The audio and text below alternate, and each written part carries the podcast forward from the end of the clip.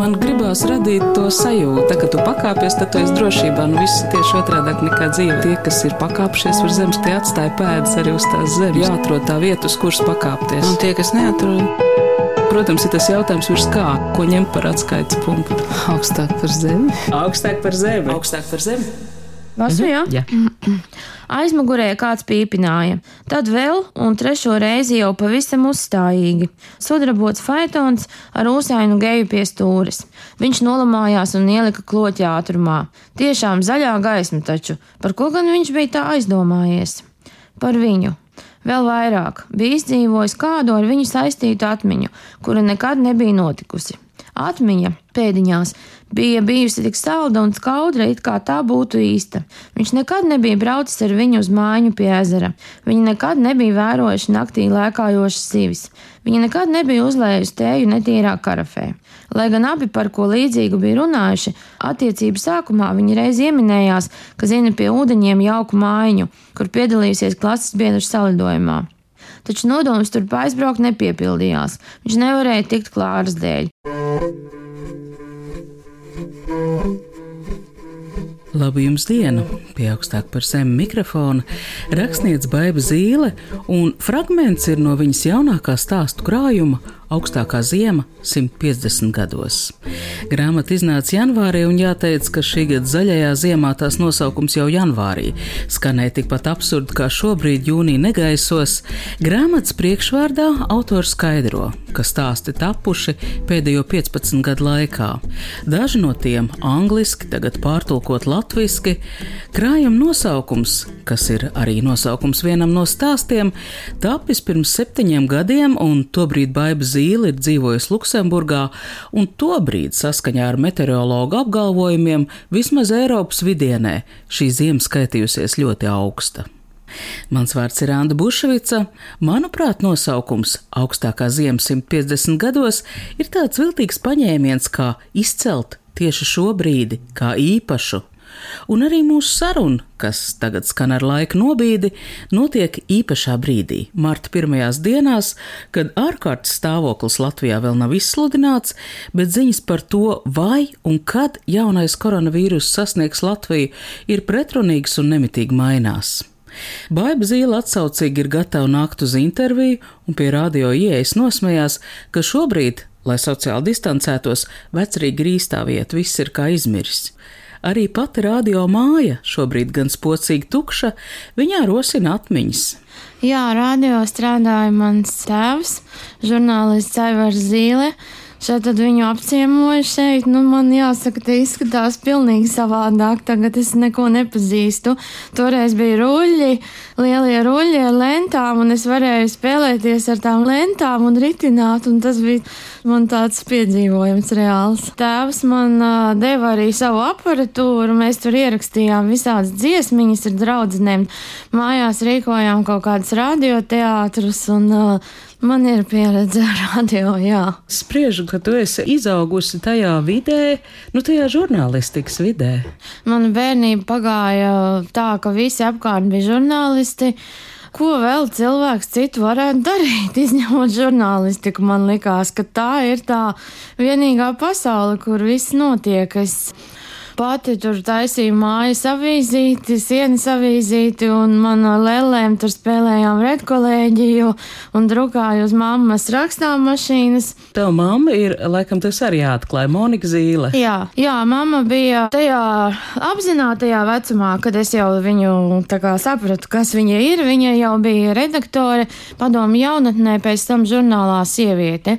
Iepriekš mani vecāki ilgu laiku strādāja Liepājā. Viņi izdzīvoja visu Liepājas bohēmu, par ko es neko nezinu.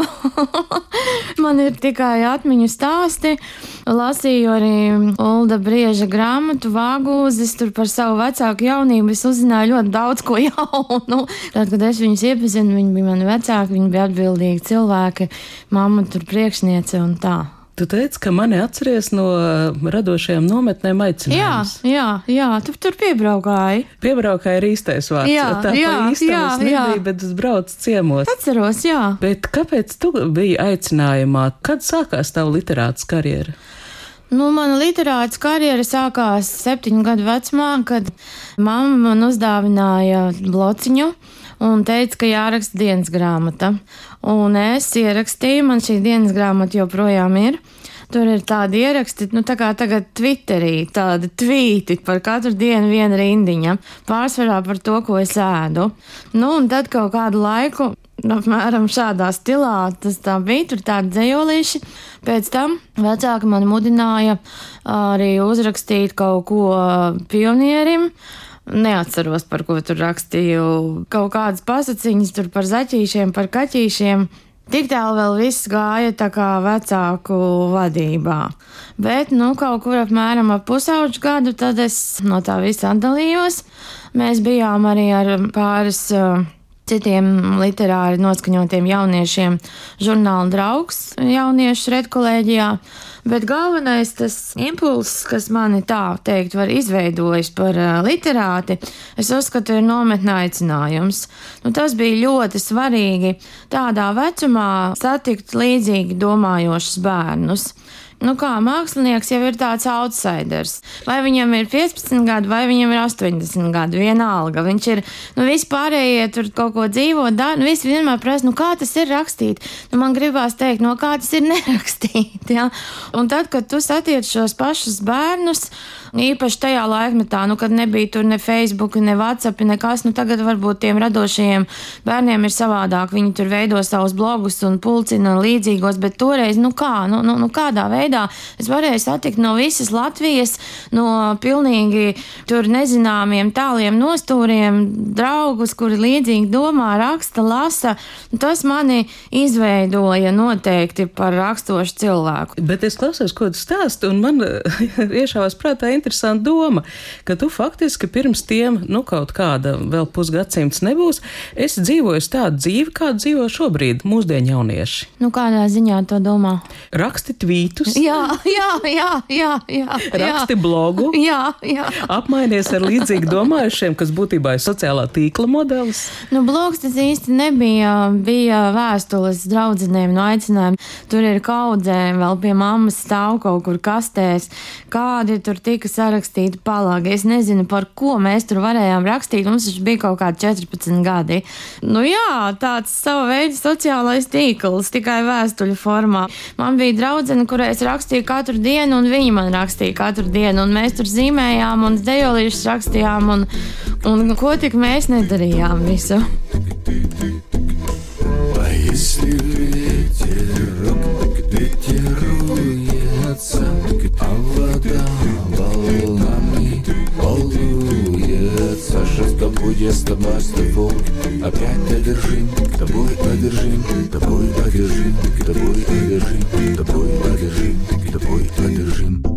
Apskatoties tavu radošo biogrāfiju, man pārsteidz tas, cik ārkārtīgi dažādu žanrus tu esi izmēģinājis. Tur ir vēsturiskais romāns, tur ir dokumentālā proza. Ir vēsturiskais romāns, nu viņš nav tik vēsturisks, varbūt puse romāna notiek mūsdienās. Melu meistars iznāca 2017. gadā. Tas ir romāns par manu paudzi, nu, cilvēkiem, kuriem ir apmēram 40, kuri bija tīņi, kad sākās atmoda, kad bija barikādas, kad mainījās visi šie laiki kā tas notiek caur divu pilnīgi dažādu cilvēku perspektīvu, un pēc tam, kā viņiem iet šodien. Nu, tādā ziņā es to tā tīri vēsturisko nenosaucu. Tas tomēr ir tāds ceļojums sevī. Nu, kā viņi kā personības tam ir izgājuši cauri, kas ar viņiem katru ir noticis. Dokumentālais stāsts ir uh, Rausītis un Karma. Laikam tā ir mana populārākā grāmata. Lasītāji joprojām raksta no visurienes Facebookā, tur privāti man nodot ziņas. Visiem ļoti patīk, jo šis stāsts ir ar humoru, bet šajā stāstā ir arī ļoti daudz filozofijas. Tas arī ir šis tāds cilvēka iekšējais ceļš, kā viņš jūtas. Tur es konkrēti stāsts ir par mani, nonāku tādā tieviešanas klīnikā un kas tur viss ar mani notiek. Būtībā jau tas novērotājs, tas, kurš novēro šo varoņa ceļojumu, jo es domāju, ka jebkurš darbs pēc būtības ir varoņa ceļojums. Nu, tas, tā, tā ir tā literatūras teorija. Varoņa ceļojums jau ir viens. Vienalga, vai viņš tur iziet cauri laikmeta griežiem, vai viņš tievē novērojumi, cilvēki viņam apkārt tās kaislības. Katrā ziņā es domāju, ka mani lasītāji pamanīs, ka tā novērotāja balss tomēr tur paliek viena tā pati. Rakstnieks. Rakstnieks raksta vienu grāmatu visu mūžu. Viņš raksta to savu grāmatu. Kas ir tie autori, kas varbūt ietekmējuši to, ko tu raksti? Ko tu lasi? Ļoti mani ietekmējis ir Andra Neiburga. Viņas stils, ko Bārbela Simpsona nosauc par kluso mirdzēšanu, nu, tas ir mans tāds, var teikt, ideāls, kā būtu jāraksta. Tā ir dzīve, kura ir attēlota tieši tāda, kāda viņa ir, ar šo vieglumu, par kuru es minēju. Tur nav arī nekādas morāles, tur nav kaut kādu nevajadzīgu akcentu, melnais, baltais un tā tālāk. Tas ir šis tīrais vērojums bet šajā tīrajā vērojumā ir ietverts tieši, tieši tas, ko mēs gribam panākt rakstot. Mēs gribam satvert to, nu, kas ir būtisks. Mēs gribam attainot dzīvi, bet, kā jau es teicu, dzīve pārspēja literatūru, dzīves līdz mums caur pirkstiem. Nu, viņai tas, manuprāt, ir izdevies ar tādiem ļoti vienkāršiem līdzekļiem. Nu, tas ir mans ideāls. Kus on minu kaareke, kus on minu kaareke? metsas on, metsas on, kus on minu kaasekesed, kus on minu kaasekesed, kus on minu kaasekesed, metsas on, metsas on, kus on minu kaasekesed Aizgājušā gadsimta 90. gadu pacēlumā, kad beidzot bija iespēja sākt lasīt dzelzceļa priekškaru līdz tam noslēptos Rietuma Eiropas visas pasaules filozofu pēdējā pusgadsimta laikā radītos tekstus, Baiba Zīle iestājās Latvijas Universitātes vēstures un filozofijas fakultātē filozofos. Un arī šobrīd sarunā viņa apliecina, ka tā bija milzīga privilēģija viņas dzīvē - pavadīt šo laiku, lasot labas grāmatas, lasot klasiķus, taču kaut kādā brīdī licies, ka ar to nepietiek. Gribējies vairāk iesaistīties reālajā dzīvē, un baiba ieguvusi savu otro specialitāti - jurista izglītību. Turpmākajā sarunā uzzināsiet arī, kāds šīm viņas izvēlēm dzīvē sakars ar baibas zīles kā rakstnieces ceļu. Tavā sociālajā profilā Jā. rakstīts, ka tu dzīvo Vācijā un strādā Pasaules bankā. Ne? Eiropas, Eiropas centrālajā jā. bankā, jā, jā, jā. Jā, nu tā nu ir iegrozījies. Gan arī visu mūžu esmu strādājis ar starptautiskām institūcijām. To es daru jau vairāk nekā 20 gadus. Pateicoties svešvalodām, pateicoties šim juristu izglītībai, arī tajos pašos 90. gados man izdevās iekļūt šajā starptautiskajā vidē. Tā man arī valdzināja, man gribējās iepazīt pasauli. Šajā pieredzē satiku ļoti daudz gudru, interesantu cilvēku no visas pasaules. Tur atkal ir uh, nebeidzamu, interesantu tipāžu salikums, kuru es diemžēl nevaru aprakstīt, jo nu, es nerakstu par saviem kolēģiem. Tad, kad būšu pensijā, viss ar izdomātiem vārdiem, kaut kādas interesantas situācijas, kas rodās tādā vidē. Šiem pēdējiem stāstu krājuma anotācijā raksti, ka stāsti tapuši pēdējo 15 gadu laikā, uh mhm. -huh. un daļa no tiem ir tapusi angliski. Saka, sev pirmo darbu tu uzrakstīji latviešu vai angliski? Jā, nu, protams, ka es uzrakstīju latviešu. Pirmā grāmata man bija dzīves simulācija. Tā iznāca um, sen, man tad, kad bija 30 gadi, sāku to publicēt internetā, kā internetu romānu. Pēc tam ar izdevniecību izveidojās sadarbība, un viņi nolēma šo darbiņu publicēt. Toreiz es publicējos ar pseidonīmu, jo negribēju būt tā kā mamma. Nu, tas bija pilnīgākās muļķības. Tagad es esmu to atmetusi. Tagad man katru reizi jāraksta, ka tā dzīves simulācija ir publicēta ar to sasodīto pseidonīmu. Tu negribēji publicēties kā zīle. jā, jā. Baibai zīlē ir arī sava mājaslapa internetā. Atradīsiet tur viņas līdzšinējās grāmatas latviešu valodā, arī pašu pirmo sarakstīt ar pseidonīmu Anna Kravicka un veselu virkni grāmatu grāmatas angļu valodā. Un tad uzreiz pēc šī darba uzrakstīšanas es aizbraucu strādāt uz Vāciju. Nu, tur man likās, ka visi ceļi ir vaļā. Nu, tagad man jāraksta angliski. Tā teikt, viens romāns jau ir uzrakstīts, nu es tūlīt cepšu augšā nākamo, tikai angliski. Un atvēršu tur ar kāju visas izdevniecības un viss, viss, viss tik balsts. Tu gribēji nokļūt tajā lielajā Vācijas grāmatu tirgu? Es jau nerakstu vāciski, es jau vāciski rakstu ļoti slikti. Es strādāju starptautiskās institūcijās, mans darba valoda ir angļu valoda. Vāciski es varu uzrakstīt tur labdien, paldies, lūdzu, nomainiet man riepas, nu tādā, tādā līmenī. Sāku rakstīt kā romānu angliski, bet nu, man tur nekas negāja. Es tur divas lapas nevarēju uzrakstīt. Vispār visi tā valoda, man nebija tādas savas balss, tas viss, kā es rakstīju. Arī latviešu pirms tam bija tāda jaunā, jaunā autora ambīcijas aprakstīt visu par visu un vēl dziļi aptvert neaptveramo. Vienā brīdī man kaut kas saslēdzās. Es ieraudzīju viena cilvēka vārdu, New York Book Reviews. Tur bija stāsts par pokera grāmatu, ko sarakstījis tāds Ats Alvarez. Un es nezinu, kas man noklikšķēja galvā. Man tas vārds Ats Alvarez kaut kā uzrunāja, un es uzrakstīju savu pirmo stāstu Ada Alvaresa ceļojums angliski. Viņš nav, diemžēl, šajā grāmatā. Un man kaut kā sanāca tā īstā forma, ar kuru vajadzēja sākt, aizgāja. Tev valoda principiāli izmainījās. Jā, jā, jā. Sākot rakstīt svešvalodā. Man izmainījās valoda. Es kļuvu daudz lakoniskāka. Es sāku apdomāt, kā es veidoju teikumus, kā man ar tiem ierobežotākiem līdzekļiem, kādi man ir, izteikt domu. Mm pakāpos tādu soli atpakaļ, tādā vienkāršības virzienā.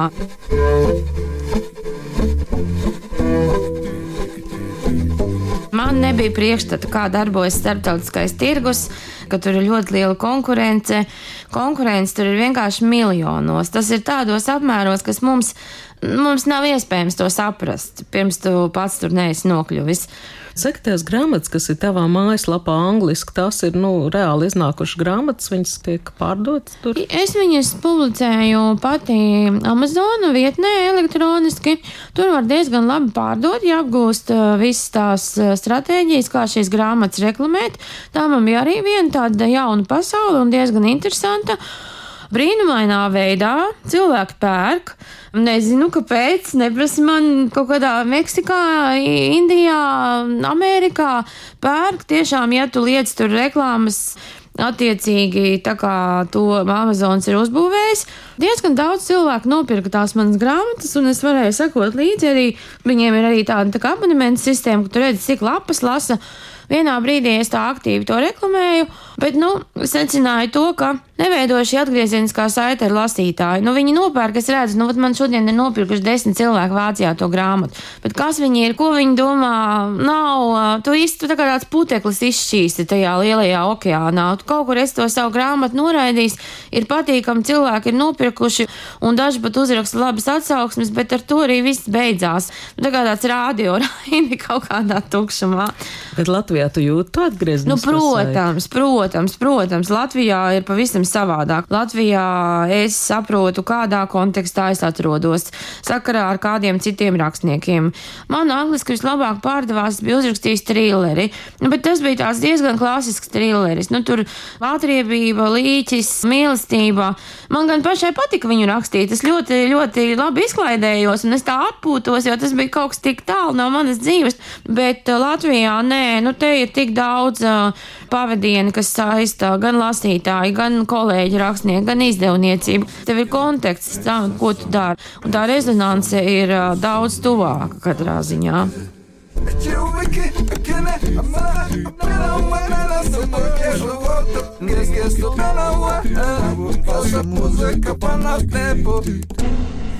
turbūt tam manda kieka, mana samanė tu pasta, mana pupa nama jukule. Urla na na mea, na na na mea, Если форточка не закроется, а вода волнами волнуется, Звездоморье, Пайденбург, опять одержим, тобой одержим, тобой одержим, тобой одержим, тобой одержим, тобой одержим. Literatūra kritiķe, arī Baigas Zīles stāstu krājuma augstākā ziemas 150 gados projektu vadītāja Bārbala Simpsone autors stilu savā recenzijā laikrakstā Kultūras diena nodēvē par netradicionālo realismu, ko gribas saukt par maģisko, un tālāk to mēģina arī paskaidrot. Viņa salīdzina Baigas Zīles rakstīto ar grāmatā izvēlētajiem Māra Bišova zīmējumiem.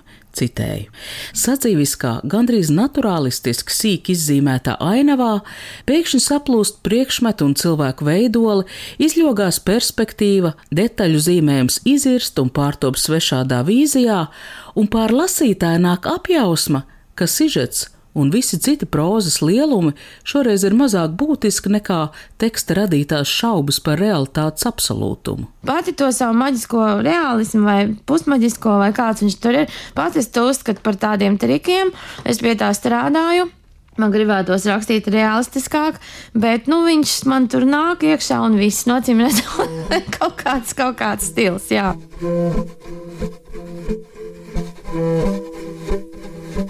Kārlis uzmanīgi uzrāpās kāpā un paslēpās aiz koka. Telefona lukturīti viņš jau bija izslēdzis, jo gaismas pietika no savādnieku ugunskura un bija maz iespējas, ka viņu varētu pamanīt. Taču joprojām vajadzēja būt uzmanīgam. Cilvēku figūrai mugurā bija drēbes, tā kā kamzolis vai bieza apakšveļa. Tās nebija virsdrēbes kā citiem. Viņš nekustējās. Kārlis redzēja, kā viņa rokas ļengan nokarājas gar sāniem. Pagalmā stāvošie izkārtojās nelielā aplī ap ugunskura. Uz brīdi viņam likās, ka tie kaut ko runā, taču nē, viņi tikai skatījās cits uz citu. Tad abi, kuri nesa kamzolī tērpto svešinieku, piegāja pie ugunskura un iemeta viņu liesmās. Viņi iemeta ugunī cilvēku. Kārlis pieliecās tuvāk. Aiz koka, kur viņš stāvēja, bija nodevīgs tukšums. Tas atradās pašā kāpnes augšā, un uz brīdi viņam likās, ka stāvs ugunī kustas. Taču nē, tie bija tikai dēļi, kas izkārtojās pieņemot jaunu iekuru.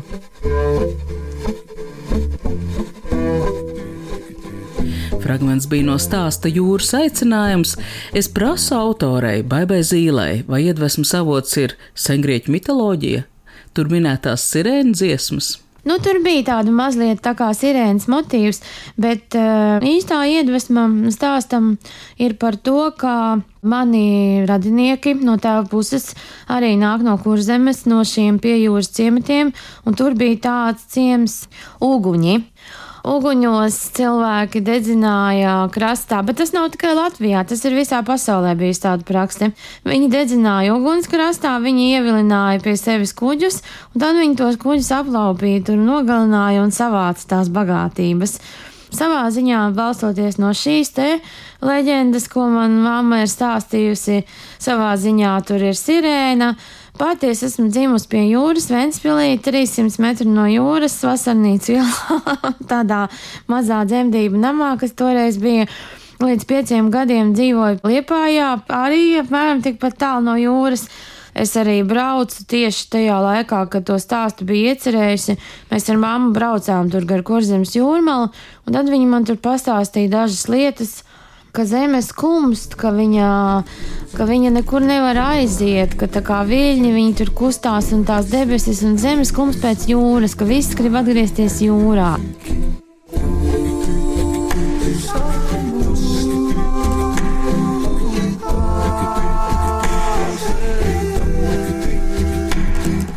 Es zinu, ka tu arī glezno. Gleznošana ir arī tavos stāstos, vismaz divos. Viens uh -huh. no mhm. stāstiem, kas man visvairāk gāja pie sirds, Jakoba Rorbacha kauss. Tas ir arī mans mīļākais stāsts. Stāsts ir par uh, jaunu meiteni, kurai uh, ir pirmā darba pieredze tas notiek Vācijā. Viņa aizbrauc uz mazpilsētu, kur viņai ir jāvērtē vietējo iedzīvotāju mākslas izstādes. Eh, nu, viņai ir jābūt žūrijā. Strādājot bankā ilgus gadus, es biju arī šādā te mākslas darbu žūrijā. Mums bija darbinieku, ir joprojām darbinieku izstādes, kur darbinieki arī glazno, fotografē, turpat taisa instalācijas un nezinu, ko tur dara. Apmēram tādā veidā, tā kā tas ir aprakstīts stāstā Jakoba Rorbara Haus. Tur patiešām sieviete atnesa savu tamborēto šalli. Tur ir viens būtiskais pagrieziena punkts, ka visu šo amatieru darbu izstādes vidū viņi atrod vienu īstu mākslas Jā, darbu. jā, jā, viņi atrod īsti mākslas darbu. Es Jā. domāju par mākslas kaut kādu glābjošo lomu. Ko tu stāstīji par savu dzīvi? Es domāju, aprīnojami. Cilvēks ir jaunā vidē, kur viss ir svešs, viss Jā, ir jāapgūst. jā. Viņam ir cita profesija, viņš nomainīs savu specializāciju. Kur tu, Ele, atrod laiku gleznot un rakstīt? Tas ir jautājums par prioritātēm. Es rakstīju kādreiz piecos no rīta, vienkārši cēlos pirms darba un rakstīju. Rakstīju atvaļinājumos, citi cilvēki. Kad viņiem ir brīvs laiks, viņi brauc makšķerēt, citi raksta stāstus. Nu, viss, jā. Mākslas klātbūtne vienkārši manā dzīvē ir ļoti daudz. Acīm redzot, tāpēc es to esmu izvēlējusies kā tādu vienu no vidēm, kur norisinās darbība. Tur ir mākslas klātbūtne. Bez tam māksla ļauj jā, nu šo citu skatu uz realitāti. Katrā ziņā tas ļauj sapludināt šīs realitātes robežas. Jo es kā rakstniece pati īsti reizēm nezinu, kas ir reāls, kas ir nav, jo dzīve pati ir tik absurda, ka nu, to pat nevar aprakstīt. Mākslas klātbūtne izstiepj to visu realitāti, nu, viņa ļauj ar viņu tā kā tādu gumiju tur staipīt uz vienu pusi un uz otru.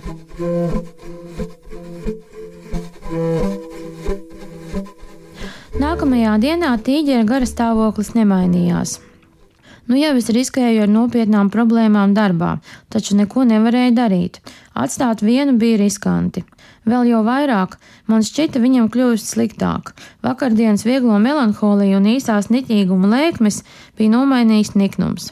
Viņš nervozi mētājās pa gultu un izgrūda krievu lamu vārdus.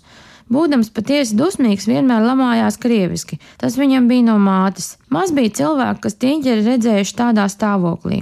Lielākā daļa viņu pazina kā sabiedrības dvēseli un viesmīlīgu un jautru būtni, kas vienmēr gatava izklaidēt ar jokiem un stāstiem par tīņķeru pasauli. Ieraugot viņu krīzes brīdī, draugi parasti bija diezgan lielās šausmās. Kāds mans paziņa pat ieteica tīģeri vest pie ārsta. Tās nu bija pilnīgākās muļķības. Viņš vienkārši neko nezināja par tīģeriem.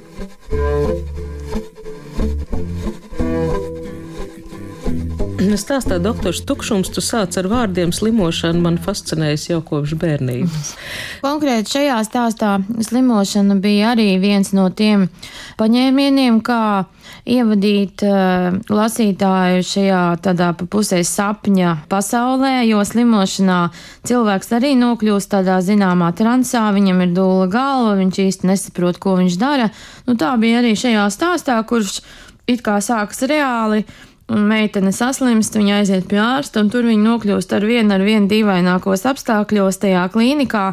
Ir dažādi veidi, kas kā, pastāv mūsu realitātē, bet viņi ir tādi, nu, nu jā, nu, uz robežas. Nu, tur sapnis, seks, slimošana, nezinu, piedzeršanās, jebkas, jā. Šajā konkrētā stāstā tas viss bija tā kā uz tās slimības um, sapnis.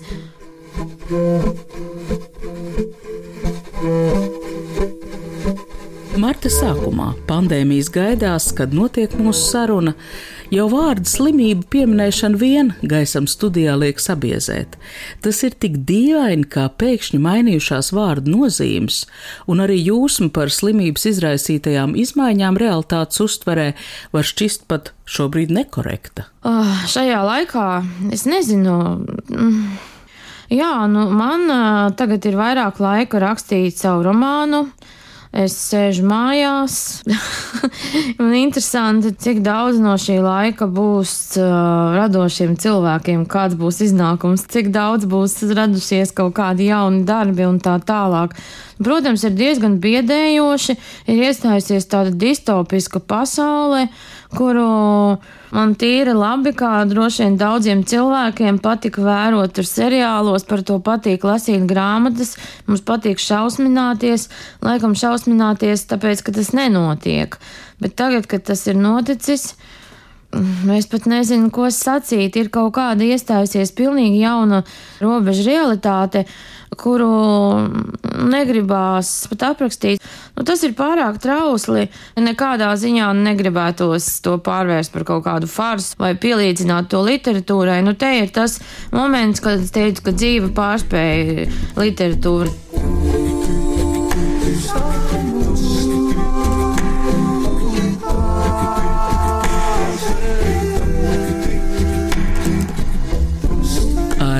Ar rakstnieci Baibu Zīli sarunājās Anna Bušvica, šī raidījuma skaņoperators Valdis Raitums. Paldies arī Dacei Meijerei par igauņu grupas Pūlūpu ierādīšanu, viņa mūzika skanēja šajā raidījumā. Vai pasaule ir mainījusies, vai arī augstākā ziema 150 gados kāds izšķirošais īpašais brīdis patiesībā ir nemitīgi visu laiku?